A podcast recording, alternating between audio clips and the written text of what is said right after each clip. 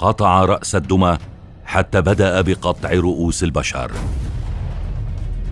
أحد أشهر القاتلين وصاحب أبشع جرائم القتل وهذا القاتل هو إدموند كيمبر الذي ارتكب عددا كبيرا من الجرائم وكل جريمة كانت أبشع من الأخرى. القاتل إدموند كيمبر كانت لديه القسوة وحب القتل منذ كان في سن صغير. فعندما كان في الصف الثاني قام بملاحقة معلمته بالسكين ومن حينها بدأت ملامح السلوك الجرمي تتوضح على تصرفات كيمبر. بسبب كثرة جرائم القتل التي ارتكبها القاتل إدموند كيمبر تم تجسيد شخصيته في مسلسل وهو مسلسل صائدو العقول على منصة نتفليكس. إذ يعتبر كيمبر من أكثر الشخصيات دموية في أمريكا بحيث كان يمتلك جسما ضخما ومخيفا. إذ كان يبلغ طوله 208 سنتيمترات. لذا كان يطلق عليه لقب الوحش.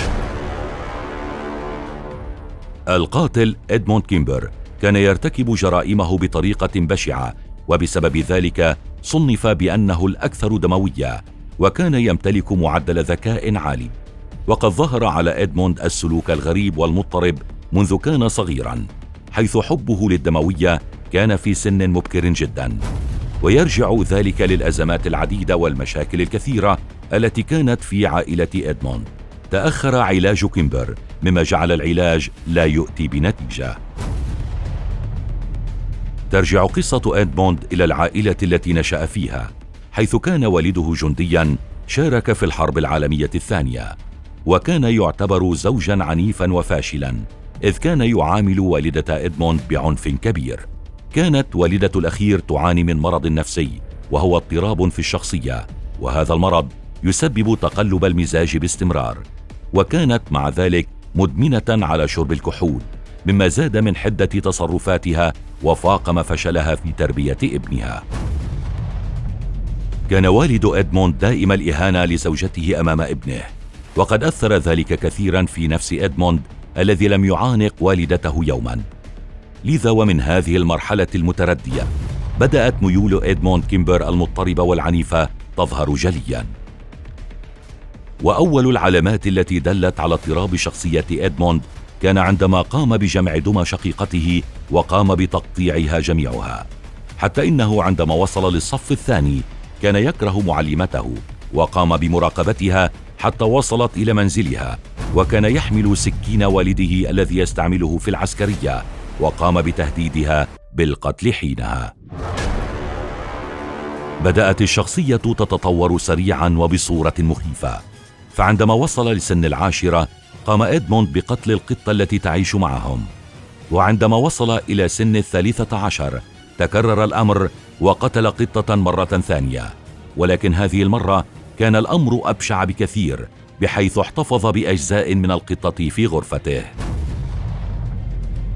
في عام 1957 ازدادت الأمور في عائلة إدموند سوءا حتى ترك الوالد المنزل فأصبح إدموند وشقيقته وأمه بمفردهم. وفي الوقت نفسه كان طول إدموند كيمبر يزداد بشكل سريع فكان طوله يقدر ب 190 سنتيمترا وهو ما زال في الثالثة عشر من عمره. والدة إدموند كانت تخاف منه حيث كان أطول منها. وكانت تبدأ تصرفاته بأن تظهر غريبة لذلك جعلته ينام في القبو بحجة خوفها على أخته أن يؤذيها.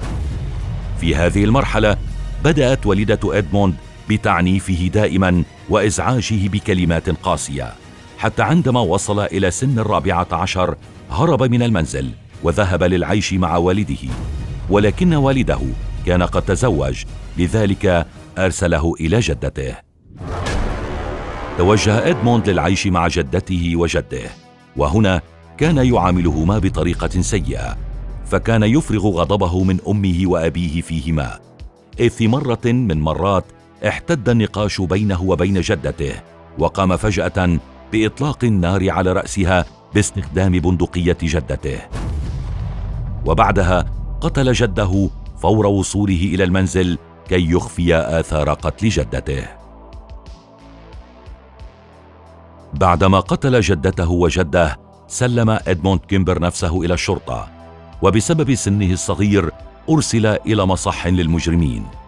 وعندما بلغ سن الواحد والعشرين خرج من المصاح ولكن لم يشفى إدموند بحيث كان العلاج متأخرا ولم يجد نفعا مع حالة المجرم هذا المتقدمة عمل على مراقبة الفتيات وهن يبحثن عن وسيلة نقل.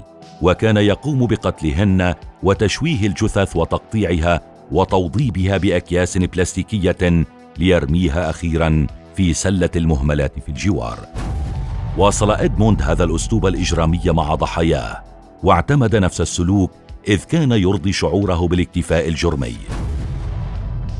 كان كيمبر من أعنف المجرمين الذين عرفهم العالم إذ كان يحتفظ برؤوس الفتيات. وكان يعود لحديقة والدته ليضع الرؤوس بترتيب في الحديقة كي تطل على والدته. فاقت أعمال كيمبر عن الطبيعة عندما قام بقتل والدته وقطع رأسها واغتصب الجثة وقطعها لإرب صغيرة بحيث لم يتمكن المحققون من جمع جسد الأم حتى لاحقا. سلم إدموند نفسه للشرطة بعد فترة من ارتكابه لآخر جرائمه وحاول الانتحار أكثر من مرة لكنه فشل. تمت إدانة إدموند كيمبر أخيرا بثمان جرائم قتل وحكم عليه بالسجن المؤبد رغم أنه طالب كثيرا بإعدامه لكنه لم يحصل على ذلك فقضى حياته في السجن المؤبد ليصبح نموذجا عن القتله المتسلسلين. أجريت العديد من التحقيقات للبرامج الوقائعية وللوثائقيات لتحليل شخصية كيمبر الجرمية. وبالإضافة إلى ذلك قام العديد من الأطباء بزيارته باستمرار كي يقابلوا إدموند ويدرسوا خفايا شخصيته. أصبح هذا الشاب الذي ترعرع وسط جو من عدم الاستقرار من أكثر المجرمين رعبا في العالم.